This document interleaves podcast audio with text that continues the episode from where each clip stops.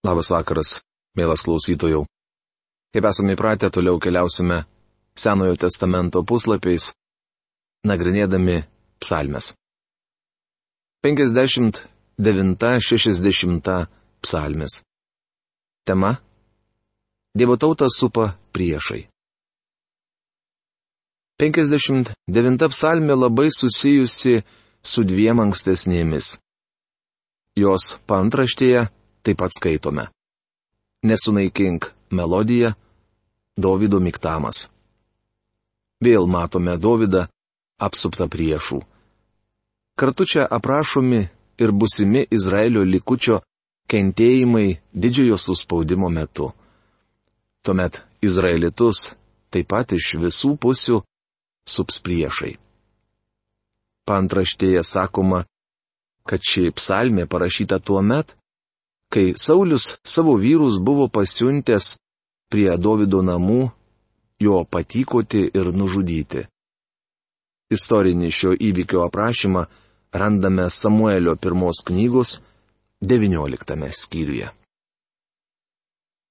Išgelbėk mane nuo priešų Dieve, apsaugok nuo užpolikų, išgelbėk mane nuo tų nedorų žmonių, išlaisvink nuo tų žmogžudžių. Štai tyko jie mano gyvasties. Nuožmus žmonės būriuojasi prieš mane.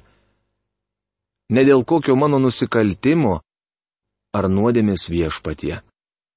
59 psalmės, antra ketvirta eilutės. Kaip įprasta, psalmės pabaigoje Davidas išreiškia savo tikėjimą ir pasitikėjimą Dievo išgelbėjimu. O aš gėdosiu apie tavo jėgą, kas rytą garsiai gėdosiu apie tavo gerumą. Juk tu buvai mano tvirtovė, užuovėje pavojaus metu.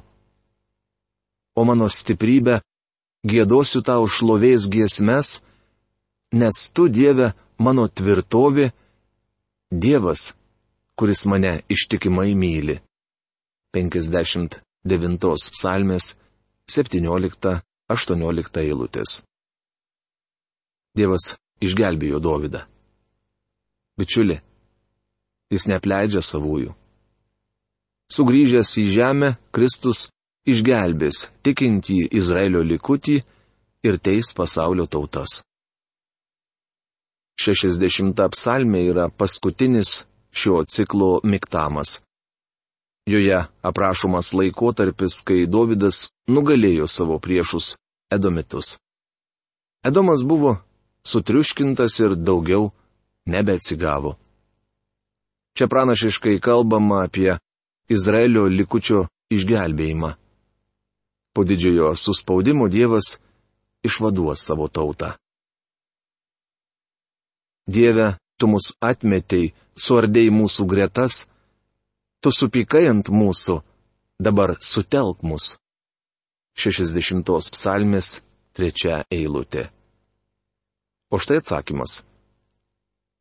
Dievas kalbėjo savo šventovėje, džiaugdamasis padalysiu Sichemą ir atmatuosiu sukotų slėnį. 60 psalmės 8 eilutė. Kaip tai vyks? Kas atves mane į įtvirtintą miestą? Kas ves mane į Edomą? 60 psalmės 11 eilutė. Kas atves mane į įtvirtintą miestą? Paklausykite atsakymu. Argi iš tikrųjų mus atmetė į Dievę? Su mūsų kariuomenė Dieve nebežygiuoji. 60 psalmės 12 eilutė. Visais laikais Dievas išgelbėdavo savo šventuosius iš negandų, sunkumų ar net nuodėmės. Jis geras ir maloningas. 62 psalmė tema - tik psalmė. Tai tik psalmė ne todėl, kad ji yra tik psalmė ir daugiau niekas bet todėl, kad joje labai reikšmingas žodelis tik. Tik Dievo tyliai laukia mano siela, tik jis yra mano uola ir mano išgelbėjimas. Tik apgaulės jie sumano, kad suklaidintų. Tik Dievo tyliai lauk, mano siela. Tik jis yra mano gelbstinti uola. Verčia profesorius Algirdas Jurienas. Pantraštėje skaitome choro vadovui pagal Jedutūną Davido psalmė. 39 psalmė taip pat buvo pagal Jedutūną. Jedutūnas buvo vienas iš choro vadovų. Psalminė jo vardas paminėtas keletą kartų. Matyt, Jedutūnas diriguodavo chorui ir orkestrui, kai būdavo atliekama šį psalmį. Tai paprasta psalmė, kurioje atsiskleidžia paprastas tikėjimas ir pasitikėjimas Dievu, panašus į vaiko pasitikėjimą gimdytojais. Norėčiau pacituoti jums nuostabų Perauno atsiliepimą apie šią psalmę. Vargu ar kur kitur pamatysime tvirtesnį ir šlovingesnį tikėjimą, didesnį ryštą ir narsą pavojuose, išgirsime aiškesnį žmogaus, jo turtų ir pastangų tuštybės išpažinimą. Šios psalmės turinys ir kalba gyvybinga, įtikinama ir pagarbi. Nors įkvėptas tekstas mums to nesako, tradicija šios psalmės atsiradimas siejas su didžiausiu sielvartu Davido gyvenime, jo sunaus apšalomo maištu istorinis aprašymas byloja. Tuo tarpu Davidas kopė alyvų kalno šlaitu. Kopdamas verkė. Galva buvo pridengta, jis ėjo basas. Ir visi žmonės, buvę su juo, prisidengė galvas ir kopdami verkė. Rašoma Samuelio antroje knygoje 15 skyriuje 30 eilutėje. Tai buvo dramatiškas momentas Davido gyvenime - tikra krizė ir tragedija. Tomas Peinas rašė apie gyvenimo akimirkas, ištiriančias žmogaus sielą. Senajam karaliui buvo atėjusi kaip tik tokia valanda. Davido sunus Apšalomas žygiavo Jeruzalę. Netrukus jis įžengs į šį miestą, tad žmonės turi apsispręsti Vieni renkasi Dovydą, kiti apšalomą. Tuo metu paaiškėja, kurie yra jam ištikimi ir kurie ne. Akimirksniu pasimato, kas yra Dovido pasiekėjai, o kas išdavikai. Atskirai reiktų paminėti Ahitofelį, tapusi Dovydui giminaičių per santoką su Bačeba. Tai išvalgus, sumanus bei labai talentingas valstybės veikėjas ir patarėjas, kuriuo Dovydas visiškai pasitikėjo. Ahitofelis dezertyravo ir perėjo apšalomo pusin. Dovydas labai liūdėjo, sužinojęs, kad jį paliko žmogus, kuriuo jis pasitikėjo. Tuomet atėjo Jehonatanos sunaus Mefibošeto tarnas Ciba ir pranešė, kad jo šeimininkas, su kuriuo buvo susibičiuliavęs Dovydas, taip pat jį išdavė. Kai verkdamas ir basas Dovydas bėgo iš miesto, pasirodė Benjaminas Šimis, kuris vis dar buvo lojalus ankstesniajam karaliui Sauliui. Jausdamas Dovydui didelę neapykantą, Šimis lėjo ant senojo karaliaus prakeiksmus ir mėtė jį akmenis. Matome, kaip apšalomas įžengia į Jeruzalę ir ta pati minė, kuri kadaise liaupsino Dovydą, dabar sveikina maištininką. Po daugelio metų jų vaikai šaukė Osana viešpačiu Jėzui Kristui, o čia pat apsisukę plyšavo ant kryžiaus jį. Dovydas žinojo, koks gelintis minios balsas. 62 psalmi - tai jo giesmė šią negarbės valandą. Čia matome žmogų, kuris pavedė savo kelius Dievui ir gyveno dvasinėje stratosferoje, virš šio gyvenimo audrų, stresų ir sukrėtimų. Įdomiausia, kad šioje psalmėje, kurią Davidas parašė sunkių išmėginimų ir nešlovės valandą, nejaučiame jokios nusivylimų, baimės ar liūdėsio gaidelės. Psalmininko širdyje nėra pagėžos ar kartėlio. Jis gėda optimizmo, gyriaus ir padėkos kupina išgelbėjimo giesmę.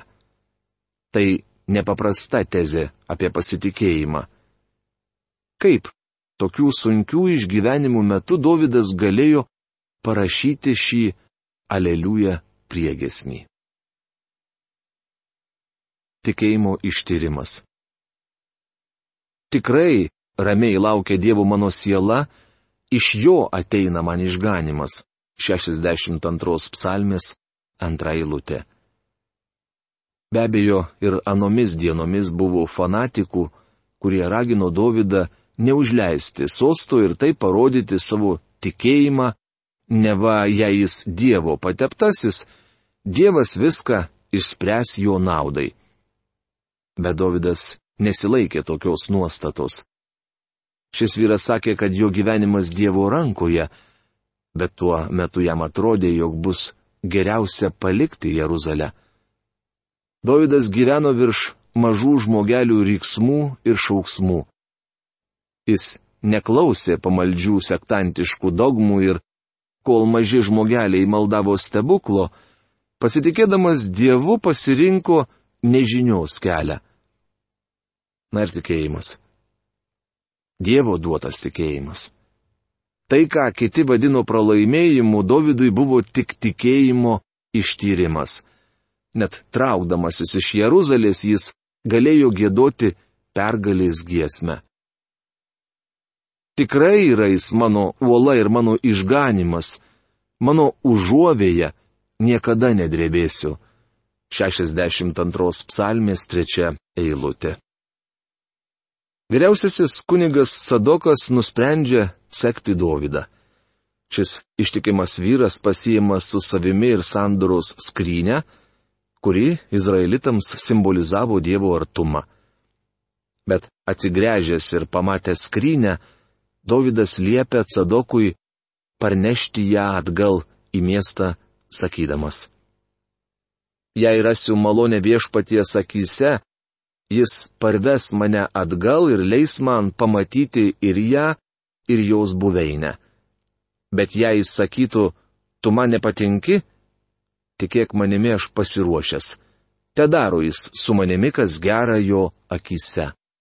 Rašoma, Samuelio antros knygos 15 skyriaus 25-26 eilutėse.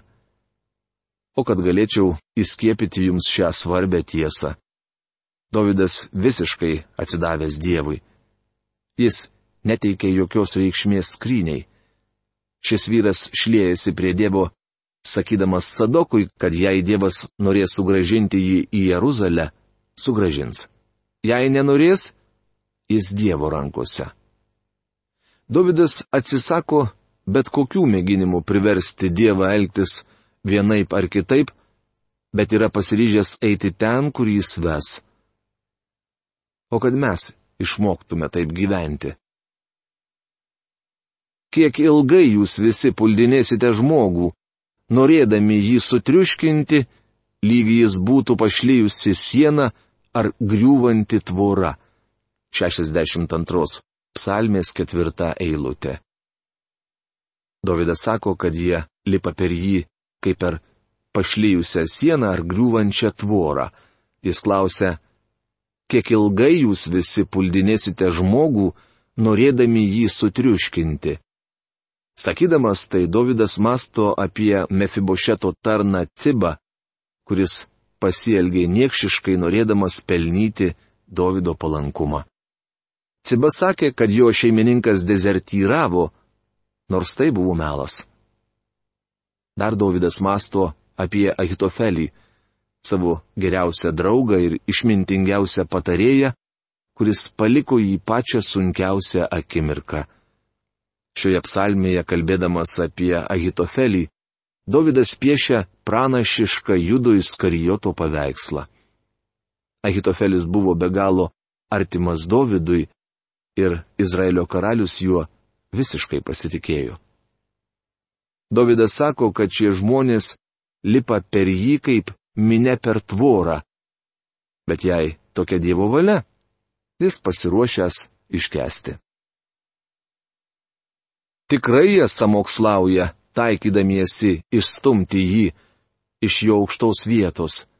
Jie mėgaujasi melais, laimina burną, bet širdimi keikia.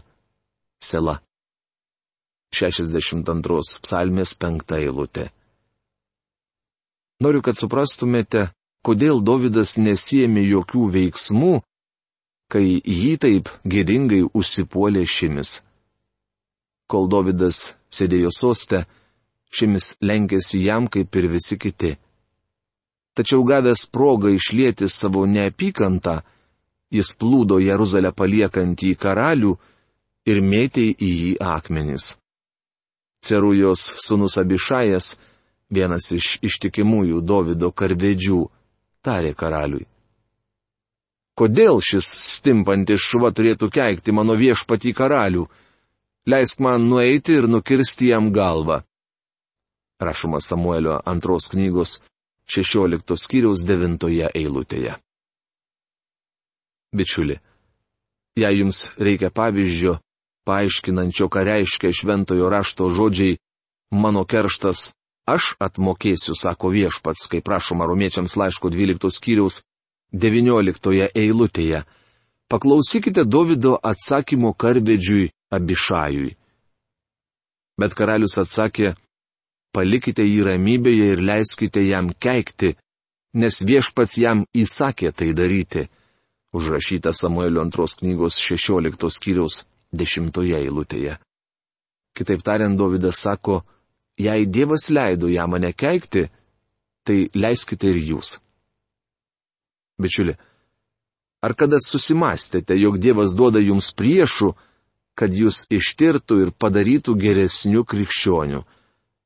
Nebūkštaukite dėl priešų ir sunkumų, kuriuos Dievas leidžia jums sutikti gyvenimo kelyje. Dievas jūsų neslegia, o kad mes pasitikėtume juo tiek, kad neimtume šaukti iš baimės tokią akimirką. Tikėjimo metas. Kada yra metas tikėti? Ar saulėta diena, kai danguje nematyti nemenkiausio debesėlio? Ar tuomet, kai viskas klostosi tiksliai taip, kaip norėjote? Davidas sako, kad tinkamiausias metas pasitikėti Dievu yra kritinis gyvenimo laikotarpis. Tikrai ramiai lauk Dievo mano siela, nes iš jo ateina man viltis. 62 psalmės 6 eilutė. Tai biblinis maldos apibrėžimas. Kažkada seniai gavau mažą atviruką su svarbia žinia tebe turiu jį ir šiandien. Ant to atviruko parašyta. Tikra malda yra tikinčiajame gyvenančios šventosios dvasios kreipimasis į tėvą per sūnų. Štai kas yra tikra malda. Iš jo ateina man viltis. Dovydas sako, kad nesimeldžia įžuliai, nereikalauja, kad Dievas vykdytų jo norus. Iš jo ateina man viltis. Davidas prašo, kad Dievas parodytų jam, ką daryti. Taigi meldžia to, kas jam geriausia. Įdomu, ar tarp Davido pažįstamų neatsirado šventuolių, siūlančių šią sunkę valandą sušaukti maldos susirinkimą. Į tai Davidas būtų atsakęs, kad malda lydi kiekvieną jo gyvenimo akimirką. Iš jo ateina man viltis Davido gyvenimas pailustruoja Pauliaus žodžius. Be paliovos melskitės, tai prašoma pirmame laiške Tesalonikiečiams penktame skyriuje septynioliktoje eilutėje. Sakydamas tai Paulius neturėjo omenyje, kad jums reikia pulti ant kelių ir klūpėti 24 valandas per parą. Šiais žodžiais apaštalas norėjo pasakyti, kad jūs turite pulti ant kelių ir melstis, o po to 24 valandas per parą gyventi maldos viltimi. Taigi Davidas nesiruošia šaukti maldos susirinkimo. Įdomiausia, kad šioje psalmėje negirdime jokios maldos. Tačiau ji visa parašyta maldos dvasioje. Davidas taip atsidavęs Dievui, kad gyvena ir elgesi maldingai. Matome, kad senasis karalius verkdamas palieka Jeruzalę. Tačiau išoriniai dalykai nublanksta, pažvelgus į jo širdies gelmes. Šis vyras atsidavęs Dievui ir pasiryžęs eiti su juo visur, kas be atsitiktų. Kitas būtų apkartęs, bet Davidas nepasiduoda savo jausmams. Jis ištarė nuostabius žodžius. Tik Dievo tyliai lauk mano siela, iš jo ateina mano viltis. Verčia profesorius Algirdas Jurienas. Tikrai jis yra mano uola ir mano išganimas, mano užuovėje, niekada nedrebėsiu. 62 psalmės 7 eilutė. Tai pagrindinė šios psalmės ir viso Davido gyvenimo tiesa, nuolatinis srovės generatorius jo gyvenime. Dėl šio fakto Davidas buvo visą galvą aukščiau už kitus žmonės, palikusius pėtsaką pasaulio istorijoje ir laikas neištrynė jo atminimo. Tik jis yra mano gelbstinti uola. Žinodami tai mes galime suprasti, ką Naujajame testamente norėjo pasakyti Jėzus teikdamas. Kas nukris ant to akmens, tas suduš, o ant ko akmuo užgrius, tas bus sutriuškintas, rašoma Mato Evangelijos 21 skyrius 44 eilutėje. Ta uola, tas akmuo yra Kristus. Artinasi diena, kai ne žmogaus rankomis atkirstas akmuo užgrius šią žemę. Tačiau šiandien mes su jumis dar galime kristi ant to akmens. Tie, kurie tai padarys, bus išgelbėti. Liudijimų susirinkimo metu viena škotų tautybės ponia pakilo iš savo vietos ir pasakė, žinote, stovėdama ant uolos aš kartais drebu, tačiau uola, ant kurios stoviu, nedreba niekada. Ar jūs stovite ant šios uolos, ant šio akmens? Kas ant šio akmens nukris, bus išgelbėtas. Štai ką turėjo omenyje Paulius sakydamas, juk niekas negali dėti kito pamato kaip tik tą, kuris jau padėtas. Tai yra Jėzus Kristus rašoma pirmame laiške korintiečiams trečiame skyriuje vienuoliktoje eilutėje. Davidas sakė, tik jis yra mano uola, tik juo aš pasitikiu. Esu verčiamas nuo sosto, Jeruzalėje knipžda maištininkai, žmonės atsigrėžė prieš mane, bet aš stoviu ant uolos. Davidas įsisavino šią nuostabią pamoką. Dievas mano išganimas ir garbė, mano stiprybės uola, mano užuovėje yra Dieve. Pasitikėk jo visada mano tauta, išliekite savo širdis jo artume, jis mūsų užuovėje. Sela. 62 psalmės 8-9 eilutės. Tai labai asmeniška psalmė. Pastebėkite, jog čia sakoma, kad Dievas yra mano išganimas ir mano garbė. Mano stiprybės uola. Mano užuovėje. Mielas klausytojų, vienu klausimu noriu užbaigti mūsų laidą. Ar Dievas yra tavo išganimas, tavo garbė, tavo stiprybės uola? tavo užuovėje. Šios dienos laidą baigiame. Iki malonaus sustikimo. Sudė.